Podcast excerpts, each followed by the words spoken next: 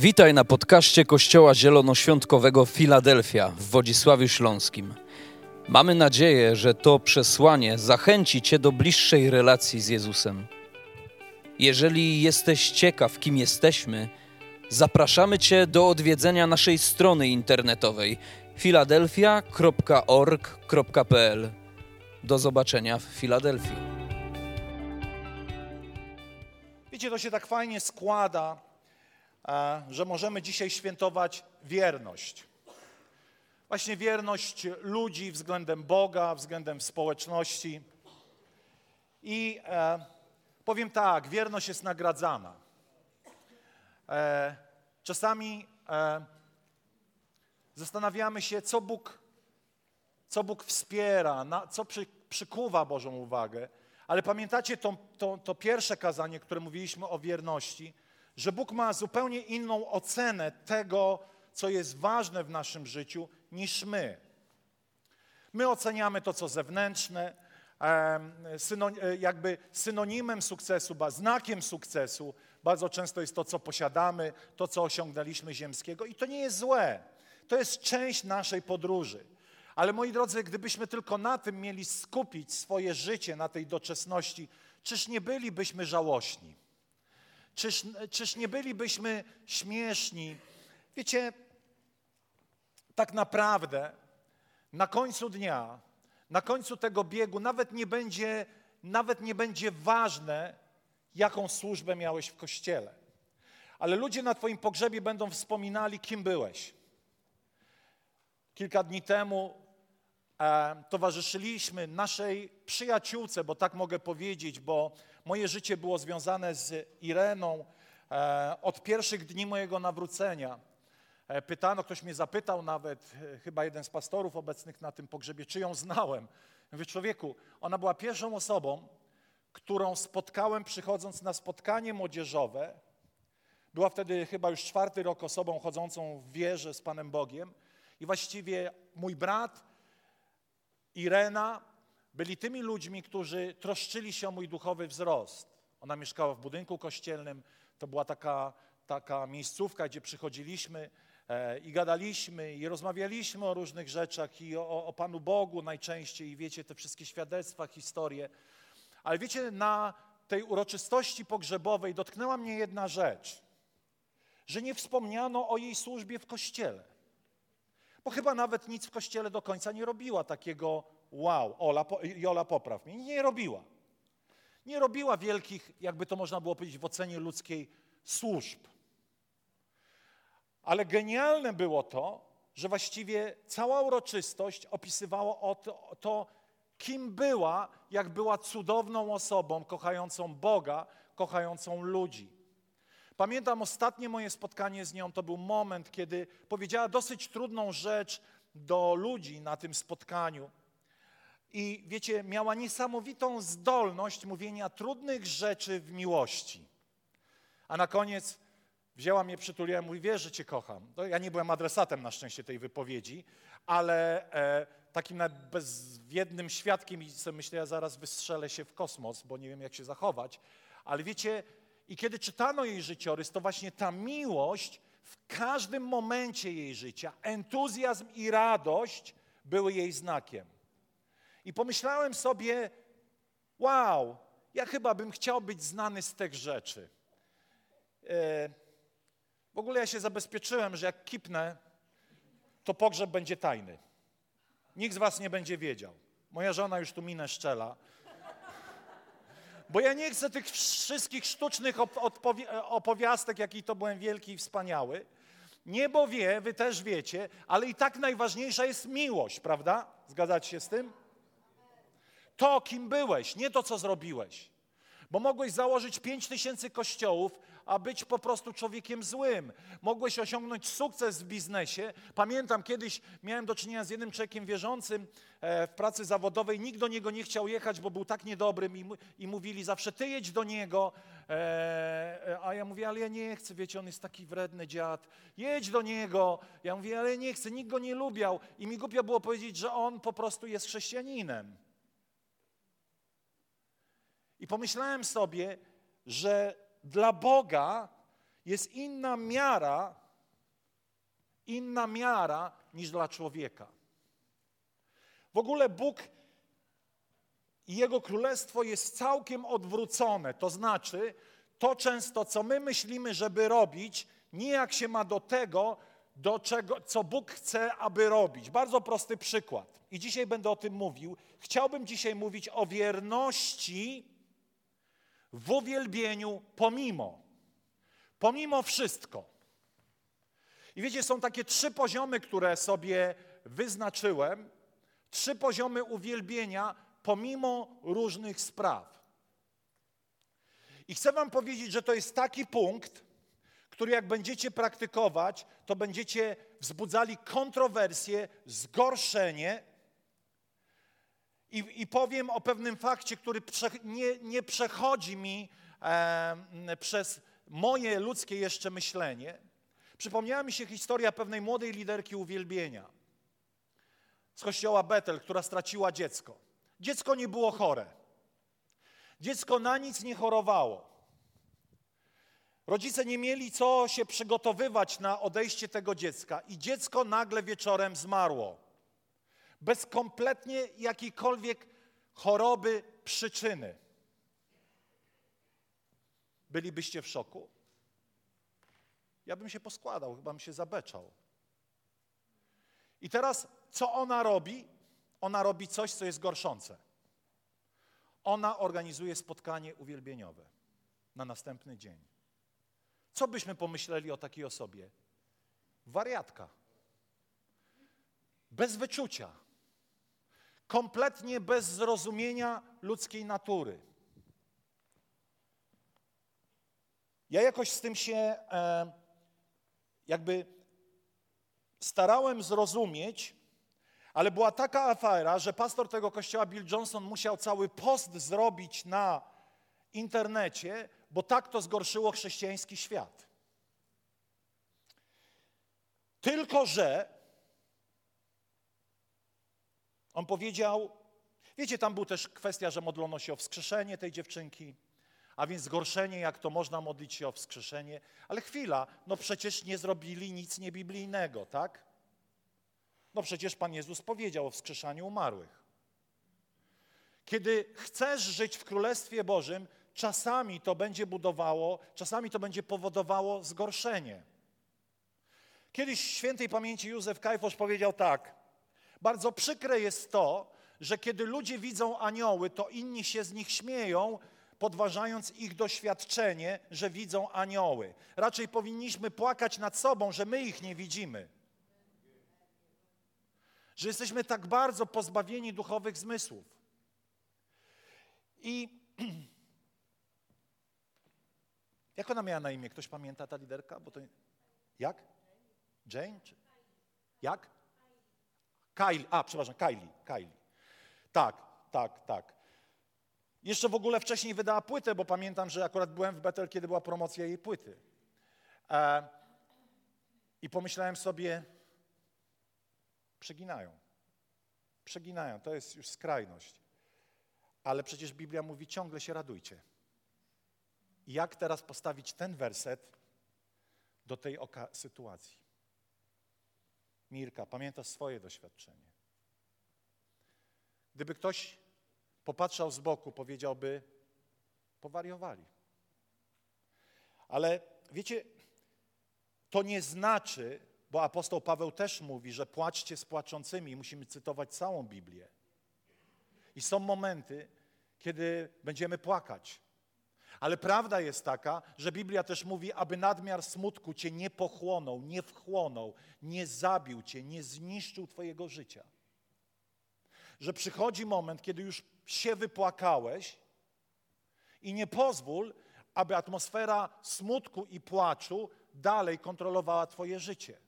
Aby pozbawiała cię tej właściwej perspektywy i tej naturalnej potrzeby uwielbienia. Ale co ja chcę powiedzieć, że Królestwo Boże bardzo często inaczej reaguje na różne sytuacje. To nie znaczy, że Bóg jest odrealniony i każe nam robić rzeczy, które są wbrew nam. On zna nas lepiej i wie, że coś jest wbrew naszej cielesnej naturze. Słuchajcie, to jest bardzo ważne, ale jest dla nas najlepsze ponieważ przynosi, i teraz co chcę powiedzieć, uwielbienie to jest przynoszenie atmosfery nieba na ziemię. W niebie nie ma smutku.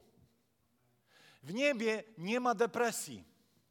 W niebie jedną atmosfera uwielbienia Boga jest e, przenikającą wszystko atmosferą, ale uwaga, tutaj korekta, w niebie nie tylko będziemy śpiewać, ale będziemy pracować i tu was mam, co po niektórzy.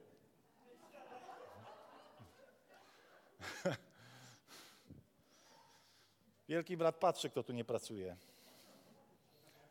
A co ja chcę powiedzieć? Ale praca też będzie uwielbieniem, które przynosi radość. A więc wszystko, amen. Ja mam to szczęście, że pracuję w kościele i uwielbiam tą pracę. Niektórzy nie mają tego szczęścia. Jola też, tak? Moja Angelika też. To jest cudowne. Wiecie, ale tam w niebie wszyscy będziemy kochali swoją pracę, którą będziemy uwielbiali Pana. Nie o tym jest kazanie. Kazanie jest o tym, że nie możemy kierować się przesadnie ludzkim myśleniem, bo przyniesie to nam szkodę i pozbawi nas właściwej reakcji, jaką jest bycie wiernym w uwielbianiu Boga w każdy czas. Czy to jest jasne? Tak? A więc jeżeli apostoł Paweł mówi ciągle się radujcie, to on chce nam powiedzieć, że to jest możliwe, choć mogą być momenty smutku, w którym jednak na dnie duszy doświadczamy pokoju i pewnego dziwnego rodzaju radości. Tylko problem polega na tym, że czasami nam się głupio jest do tego przyznać. Bo wydarzyło się coś smutnego z ludzkiej perspektywy. I wiecie, nie możemy wszystkich mierzyć jedną miarą na zasadzie ja bym się radował, to teraz wszyscy, którzy się nie radują, są cieleśni. Nie. Nie to chcę powiedzieć dzisiaj. Chcę tylko powiedzieć, że ostateczną postawą w trudnych momentach życia jest uwielbienie i teraz ty sam sobie określ, jak ono będzie wyglądać.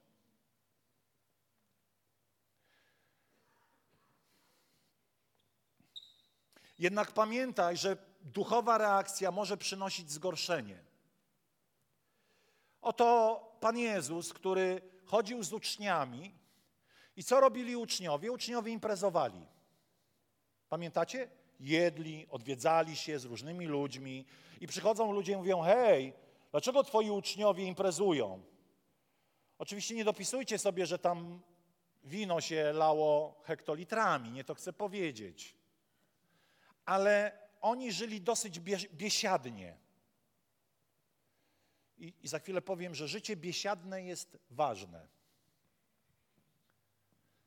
I oni chodzili na różne spotkania, jedli to, tamto, pizza, wiecie, e, kebaby, jakieś steki, co tam lubimy, kartacze suwalskie. No to oni to ze Śląska są, nie wiedzą o czym mówimy. Wiecie? Aleluja, Pan jest wielki. Moi drodzy, ale czy uczniowie robili coś w obecności Jezusa, co, nie byłoby, co byłoby grzeszne i Jezus by powiedział, róbmy to? Nie. Robili to, co Jezus chciał, aby robili, a więc chodzili i jedli. I to był czas, kiedy Jezus powiedział, oblubieniec jest z nimi, niech się cieszą. Niech się cieszą. I wiecie, Pan Jezus mówi, że ci, którzy chcą się Bogu podobać, będą prześladowania przechodzić. A więc mam dla Ciebie dobrą nowinę taką, że życie z Bogiem jest największą przygodą, jaka Cię spotkała. Z... Trudniejsza rzecz jest w tym, że czasami jest ciężko. Ale jestem wobec Ciebie uczciwy. E, tylko problem jest, że i bez Jezusa jest ciężko, więc lepiej, żeby było ciężko z Jezusem niż bez Jezusa. Wczoraj tak leżałem wieczorem w łóżku i tak rozmawiam z Panem Bogiem. I tak ro rozmawiam o różnych rzeczach i sobie pomyślałem w pewnym momencie, to jest hit. Nie widzę Boga, gadam z nimi, jakby siedział obok mnie. To nie jest normalne, a zarazem to jest niezwykłe. tak? I tak sobie leżę i tak mówię, Boże, daj mi dobrą noc. I jakoś Pan Bóg mnie nie wysłuchał, bo jakieś diabły mnie atakowały, aż mnie żona obudziła. Jakaś czarna dziura mnie wciągała, jakieś omamy i w ogóle. Ale sobie myślałem, ale mnie obudziła żona. Nie zginąłem w tym śnie. A więc moi drodzy, dlaczego ja o tym mówię, że to może być gorszące? Bo generalnie uwielbienie jest gorszące. Kiedy Dawid sprowadzał Arkę Przymierza, to jego żona pierwsze co zrobiła, to skrytykowała go jako króla, który zachowuje się jako obłąkany, uwielbiając Boga. Powiedziała, jak ty się zachowujesz, jak jakiś lekkoduch. I czasami tak tutaj stoję i sobie myślę, przypominam sobie wtedy słowa tej, tej kobiety, tej żony jego i sobie myślę, no tak, zachowuję się czasami jak lekkoduch. Jestem pastorem, poważną osobą, znaną, lubianą, ale jak lekkoduch. Bo kiedy naprawdę pozwolisz sobie na wolność, to to nie wygląda bardzo duchowo. Bo nasze pojęcie duchowości to jest kolana, o Panie, ja niegodny, beznadziejny, marny pył i w ogóle zaraz harakiri popełnię tutaj przed Tobą, bo do niczego się nie nadaje. Ale kiedy zaczynasz być biblijnie, wierzą, biblijnie uwielbiający, to po pierwsze zaczynasz wzbudzać w sobie radość, wolność, entuzjazm do wyrażania swoich emocji Bogu. Czasami klęczymy, ale wiecie, zasada jest jedna: muszę być w tym wolny. I żaden człowiek nie może mi mówić, jak to ma wyglądać. No oczywiście wiemy, w tym sensie nie może mówić, jeśli wyskoczyłabyś tu albo wyskoczył tu nago i powiedział, że to dla Pana, to powiedziałbym, to nie ta droga, kochany, nie to miejsce. Zakryj, co masz zakryć i wróć do swojego miejsca. A więc do rzeczy, moi drodzy, bo już widzę, że idę nie w tą stronę, w którą chciałem. Życie przynosi nam wystarczająco dużo zdarzeń, abyśmy przesadnie na nich skupiając się, odwrócili swój wzrok od tego, co należy wtedy czynić. Trudne momenty, trudne sytuacje chcą przejąć kontrolę nad naszą duszą, abyśmy skupiali się na nich jako wyraz naszej beznadziei, bezradności, smutku e, i zaakceptowania porażki oraz tego, że Bóg się nami o nas nie zatroszczył. Kiedy przychodzą trudne momenty, wiecie, jaka jest największa pokusa? Że może, że Bóg jest, ale, ale chyba o mnie zapomniał. Że może działa w życiu innych ludzi, ale w moim życiu zapomniał. Ty sam możesz się tylko pozbawić działania Boga w Twoim życiu. Poprzez to, że pozwolisz, aby do Twojego życia zakradła się niewiara. I teraz posłuchajcie, trzy poziomy, trzy poziomy uwielbienia adekwatne do bieżącej sytuacji. Najniższy, najniższy to uwielbiam Boga, kiedy mam kiepski poranek albo kiepski wieczór, bo miałem kiepski dzień. Budzicie się z przysłowiowym, jak to lewą nogą wstał się mówi, tak? Wstajecie czasami lewą nogą? Ja ciągle wstaję. Nie, żartuję. Ale czasami, wiecie, to jest pewnie związane z medycyną, z tym, że ktoś jest e, bardziej podatny na zmiany ciśnienia, e, temperatury, aury na zewnątrz. Wstajemy w różnym nastroju. I teraz, wiecie, Biblia nas uczy, abyśmy otwierali dzień z chwałą. Po co? Po to, aby nastroić się dobrze na ten dzień. Wiecie, to jest bardzo podstawowy poziom i smutnym jest, że czasami ludzie o 17 ciągle mają nos na kwintę od poranku i wiecie, pozwalają, aby ten zły nastrój dewastował cały ich dzień. I fajnie jest się nakręcać typu będzie dzisiaj fajny dzień, będzie dzisiaj fajny dzień, będzie dzisiaj fajny dzień, ale czy nie lepiej nakręcać się chwałą i uwielbieniem? Panie, ten dzień dedykuję Tobie. Ty jesteś Bogiem, który ma wszystko w swoich dłoniach. Panie, Ty jesteś Bogiem łaski. Będę to mówił o poranku. Oto Psalm 143, 7 do 8 mówi tak: Panie, odpowiedz mi szybko, to jest fajne, bo mój duch już osłabł. Mam doła, wstałem ze złym nadstrojem. Nie odrzucaj mnie, bym się nie stał jak ci, którzy schodzą do grobu. Daj usłyszeć o Twej łasce o poranku. Mam kiepski nastrój. Mam, moja dusza jest w jakiś sposób e, smętna. Nie jest nastawiona pozytywnie do dnia. Pada deszcz, albo wiem, że jest jakieś trudne zdarzenie, ale ja o poranku będę deklarował Twoją chwałę. To jest minimalny poziom, ale trzeba umieć go praktykować.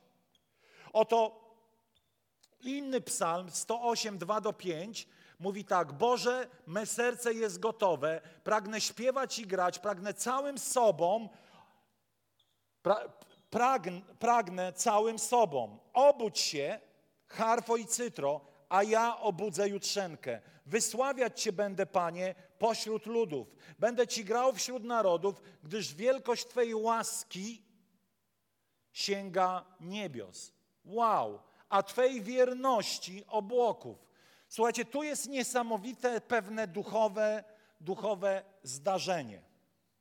To zdarzenie mniej więcej wygląda tak. Ja kiedyś ten psalm czytałem w ten sposób. Pragnę całym sobą obudzić, o, pragnę całym sobą, obudź się harfo i cytro, a ja obudzę jutrzenkę. Co to jest jutrzenka? Ja przeczytałem dokładnie. Ja myślałem, że jutrzenka to są pierwsze, e, pierwsze promienie słońca. Wiecie, słońce wschodzi i nagle tak gwiezdne wojny, lasery idą. Nie. Jutrzenka w tym kontekście to jest gwiazda, która zaczyna świecić, jakby sprawia wrażenie wschodu słońca, chyba Wenus, nie chcę pomylić, tutaj już astronautę mamy, tak? Proszę? Wenus, która świeci o poranku, która zaczyna świecić zanim słońce zaczyna świecić. Czyli wyobraźcie sobie, jest ciemno i nagle pierwszy promień, jeszcze nie słońca, ale tu jest pewne zdarzenie, które myślałem, że to jest, wiecie, chwa, obudzę, e, obudzę jutrzenkę, czyli wiecie, wstanę wystarczająco o poranku, żeby powitać jutrzenkę, czyli nie wiem, 4.43, jak wielebny Bogdan, który wstawał do kopalni, on o czwartej na modlitwy wstawał. Chwała Ci za to, natomiast e, to nie o to chodzi. Chodzi, wiecie, o co, znaczy dobrze, że wstawał, ale coś innego chcę powiedzieć. Tam jest napisane: Ja obudzę jutrzenkę, czyli jest ciemno, czyli jest bardzo ciemno, ale ja swoją chwałą obudzę tą gwiazdę, żeby ona w tej ciemności zaświeciła, pomimo że jest ciemno, to moje uwielbienie rozświeci tą gwiazdą mrok, czyli moje uwielbienie ma moc sprawczą. Moja chwała zapali tą gwiazdę, chociaż jeszcze jej nie widać, to kiedy ja wstanę, to wiecie, co się zaczyna dziać? Zaczyna się zmieniać perspektywa. Mało tego, kiedy zmienia się perspektywa, przychodzi chęć do działania. Kiedy przychodzi chęć do działania, zaczyna ją się rzeczy zmieniać. A więc sobie myślę, że uwielbienie to jest taka, taka broń, tak, takie narzędzie, że, że zobaczcie, odstawmy noc. Ale pomyślmy o ciemności, która może jakby, wiecie, otaczać moje życie. I teraz ja zaczynam wielbić. Nie chcę mi się wielbić, bo jest noc. Noc to nie jest pora na uwielbienie. W ogóle noc to jest pora na spanie, ale noc jako ta atmosfera ciemności. I kiedy ja go uwielbiam, zaczyna się pojawiać jutrzenka zaczyna się pojawiać światełko poprzedzające wschód słońca. Czyli zaczyna się rodzić nadzieja w moim sercu. I wiecie, literalnie mówiąc tak, trzeba zacząć dzień od uwielbienia. Nigdy tego nie pomniejszaj, szczególnie wtedy, kiedy Twoja dusza chce zrobić coś innego. Pamiętacie, na wstępie mówiłem, że Królestwo Boże jest odwrócone. Królestwo Boże mówi tak: zrób coś, czego nie czujesz, a nagle to poczujesz. Jeśli chcesz być dojrzałym chwalcą Pana, nigdy nie możesz przychodzić na to miejsce w, e, z nastawieniem nie czuję, więc tego nie zrobię. Właśnie kiedy nie czujesz, przychodzisz, robisz to i zaczynasz czuć skutki Twojego uwielbienia. Właśnie wtedy beznadzieja zamienia się w nadzieję, przygnębienie jest wypierane przez radość. E, zaczyna przychodzić atmosfera e, zwycięstwa zamiast porażki. Po drugie, kiedy jestem wierny w uwielbianiu, kiedy moja codzienność przez wiele dni i tygodni nie układa się dobrze. Wiecie, nie zapisaliśmy się do Królestwa Bożego, aby było zawsze dobrze. Zapisaliśmy się do Królestwa Bożego, aby ostatecznie nie pójść do piekła. A to, co dzieje się na ziemi jako przejaw Królestwa Bożego, ma różne natężenia. Oto jest takie pojęcie w teologii królestwo już i jeszcze nie teraz.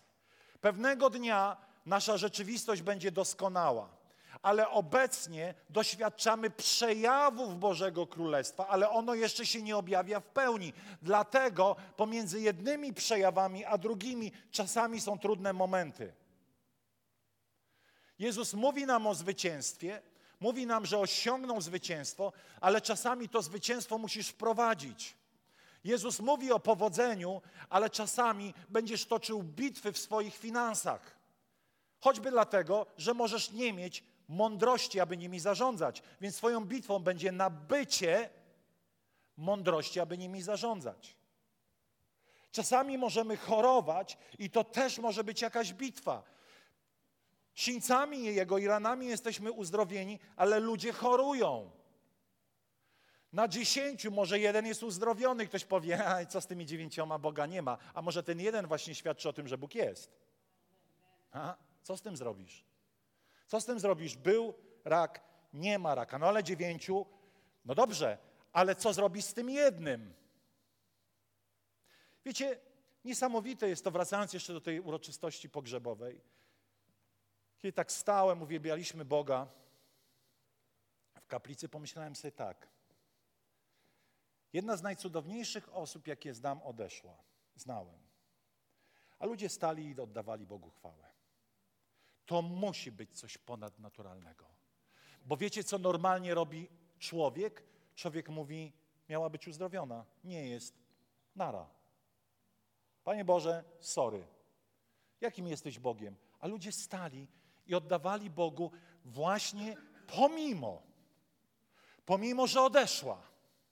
Pomimo, że nie wiemy, dlaczego dobrzy ludzie tak często odchodzą, pomyślałem sobie, Panie Boże, naprawdę ja sobie zamawiam godzinę z Tobą, kiedy wytłumaczysz mi, dlaczego zabrałeś Dorotę, dlaczego zabrałeś e, Irenkę. Wytłumacz mi to, a właściwie to nie wiem, czy będę chciał już o tym rozmawiać, bo one tam będą, one tam są. Niestety, dobrzy ludzie czasami odchodzą w naszym rozumieniu za szybko i nie mam na to odpowiedzi, ale nie wydrę sobie tego na litość boską, że mój Bóg jest dobry. Nie wydrę sobie tego. Nie mogę sobie tego wydrzeć, bo wiecie, ja nie mam innego pomysłu na błogosławieństwo mojego życia, jak życie z Nim, z dobrym Bogiem, nawet jeśli sprawy wyglądają źle. Oto posłuchajcie, co mówi Habakuk.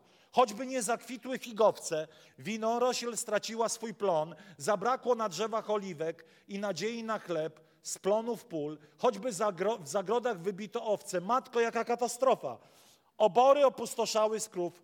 I teraz ja to powiem tak. Choćby mnie wyrzucili z roboty, choćby znowu podnieśli oprocentowanie na kredyty, choćby, nie wiem, e, wymyślcie sobie, wstawcie sobie jakąś katastrofę, nie wiem, spaliła się chałupa, choćby, nie wiem, mój pies, to już się ponośnie mówi zdechł. Jak się mówi, odszedł, umarł, pies. Zdech.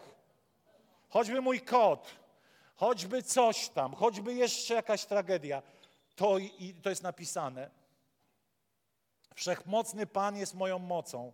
On uczynił moje nogi jak ułani, sprawił, że mogę kroczyć po moich wyżynach. Inne tłumaczenie jest napisane, ale ja będę radował się w Panu, w mocy zbawienia mojego. choćby nie wiem. I wiecie, bardzo często nasze chrześcijaństwo traci na dojrzałości, kiedy przychodzimy tutaj i pozwalamy diabłu pozbawić swoje życie, swoją duszę z uwielbienia. powiem tak, nie wiem, co nas w życiu spotka, ale zawsze powiem: uwielbiaj. Uwielbiaj. Płacz i uwielbiaj. Płacz, raduj się, uwielbiaj. Bo to jest najlepsza rzecz, którą w tym momencie możesz zrobić. Nie chcę ci powiedzieć nie płacz, ale płacz i uwielbiaj.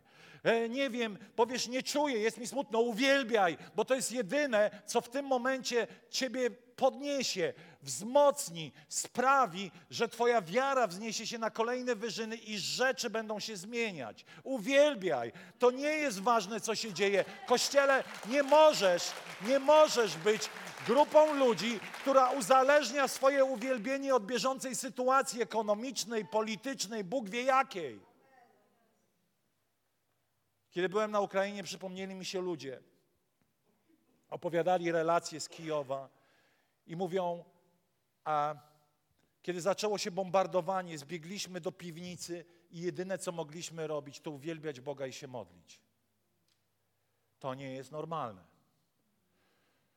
To nie jest normalne, ale to jest duchowe. Kiedy nic nie możesz zrobić, uwielbiaj. Kiedy możesz coś zrobić, zrób co możesz zrobić i uwielbiaj. Dziękuj Bogu, ogłaszaj Jego dobroć, ogłaszaj Jego chwałę. I ostatnia, ostatni poziom. Jestem wierny w obliczu śmierci lub moi bliscy są, w są stają e, w obliczu śmierci. Jestem wierny w uwielbieniu. I nie życzę nikomu, nie życzę tego sobie, nie życzę nikomu, ale po prostu dobrzy ludzie odchodzą. Wiecie, kiedy zły umiera,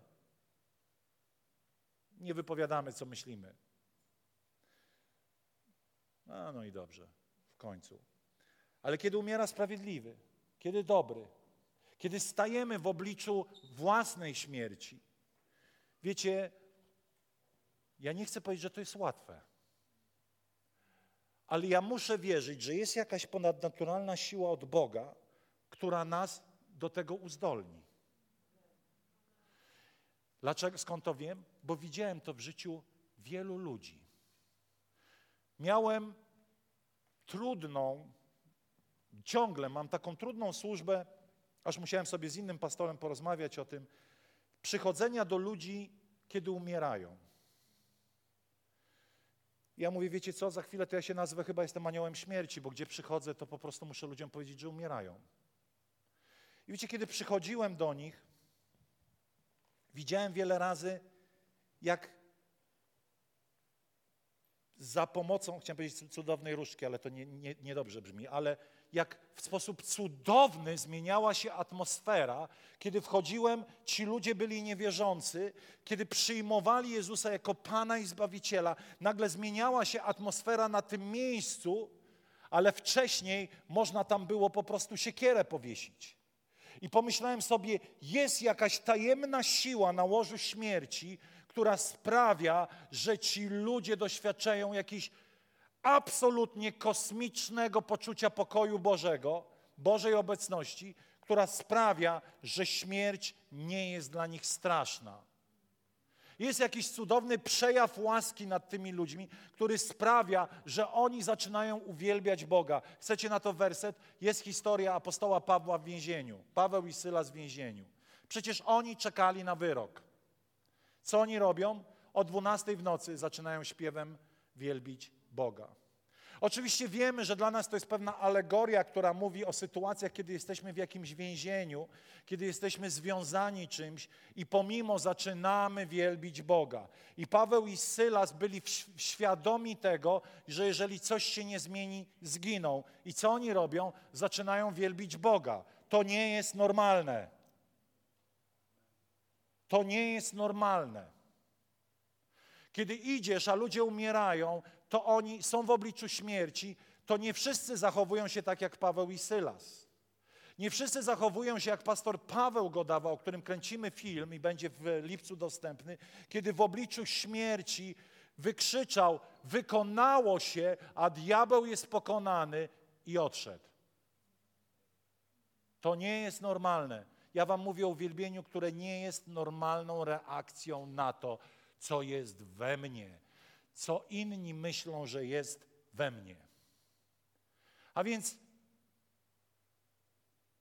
kiedy przychodzi to poczucie śmierci, zawsze sobie myślę, Boże, albo zabierz mnie nagle, albo ja to mówiłem, albo daj mi jakąś łaskę, żebym zachował się z godnością i uwielbiał Ciebie, żebym nie kwiczał z lęku, żebym nie był zaprzeczeniem tego, w co wierzę od, od 30 lat, żebym był świadectwem jak ci, których życie obserwowałem, jak ci, którzy na łożu śmierci nawracali się do Boga i z godnością i uwielbieniem w sercu odchodzili.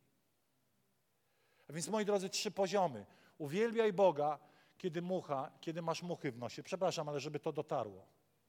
Nie przychodź zafokowany tylko dlatego, że zupa była zasłona, albo żona nie zrobiła śniadania, albo mąż coś tam powiedział.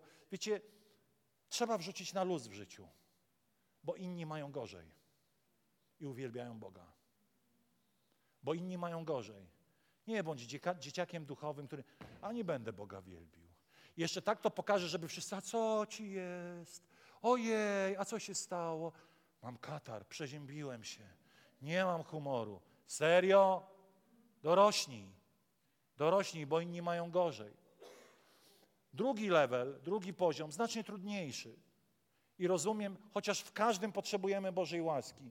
Kiedy przychodzą trudne sytuacje życiowe, nie pozwól okraść się z chwały. Uwielbiaj Boga pomimo. I trzecie, kiedy przychodzi godzina śmierci. Oby Bóg dał nam łaskę oddawać Mu chwałę. Amen.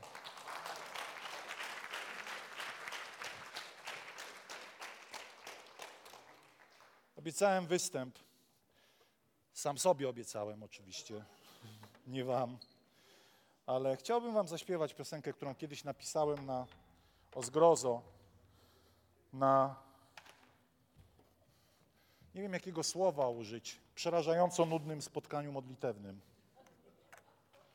Byłem tak sfrustrowany tym spotkaniem, pamiętam jak dzisiaj, że zacząłem pisać piosenkę, bo nie chciałem słuchać, co oni tam gadają na tym spotkaniu, bo tam była porażka, tam była przegrana, tam była histeria. Ja wiem, że nie uprzedziłem, wybacz. I pomyślałem sobie wtedy, wykorzystam czas, aby napisać taką piosenkę o tym, że uczę się Boga uwielbiać w każdym czasie. E, jak to powiadam, e, skromnym człowiekiem jestem, ale piosenka jest niezła. Gosia, cześć Gocha. Głos mógłbym mieć lepszy, ale też jest niezły, także. Ale tak naprawdę Bogu na chwałę i żebyśmy nigdy. Ty to Mirek znasz?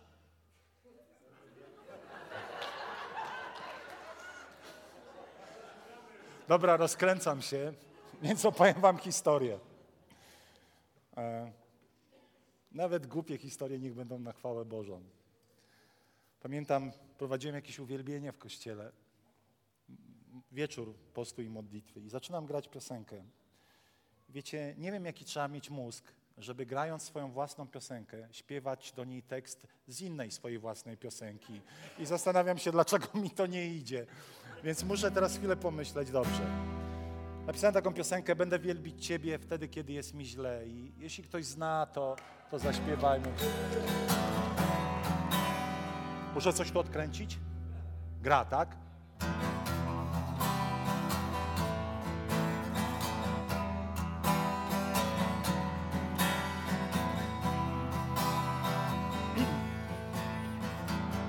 Będę wielbił Ciebie wtedy, kiedy jest mi źle. Kiedy słońce już zachodzi, a w sercu pada deszcz. Będę wielbił Ciebie, kiedy serce w górę się rwie. Będę wielbił Ciebie pośród uśmiechów i łez.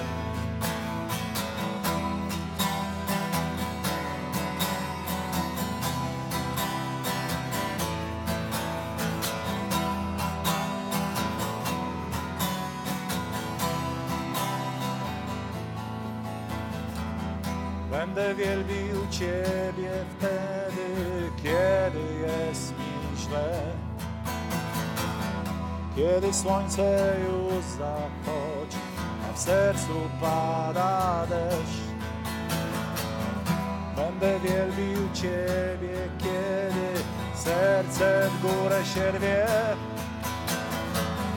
Będę wielbił Ciebie pośród uśmiechów i łez.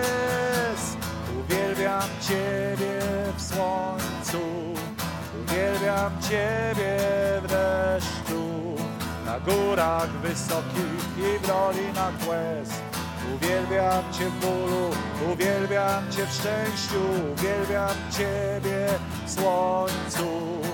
Uwielbiam Ciebie w deszczu, na górach wysokich i w dolinach łez.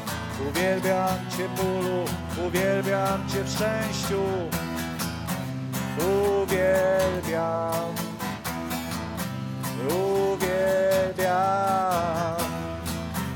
uwielbiam, uwielbiam Cię w bólu, uwielbiam Cię w szczęściu, uwielbiam Ciebie w słońcu, uwielbiam Ciebie w deszczu, na górach wysokich i w dolinach łez. Uwielbiam Cię w bólu, uwielbiam Cię w szczęściu. Oddajemy Ci chwałę, Panie, w każdy czas.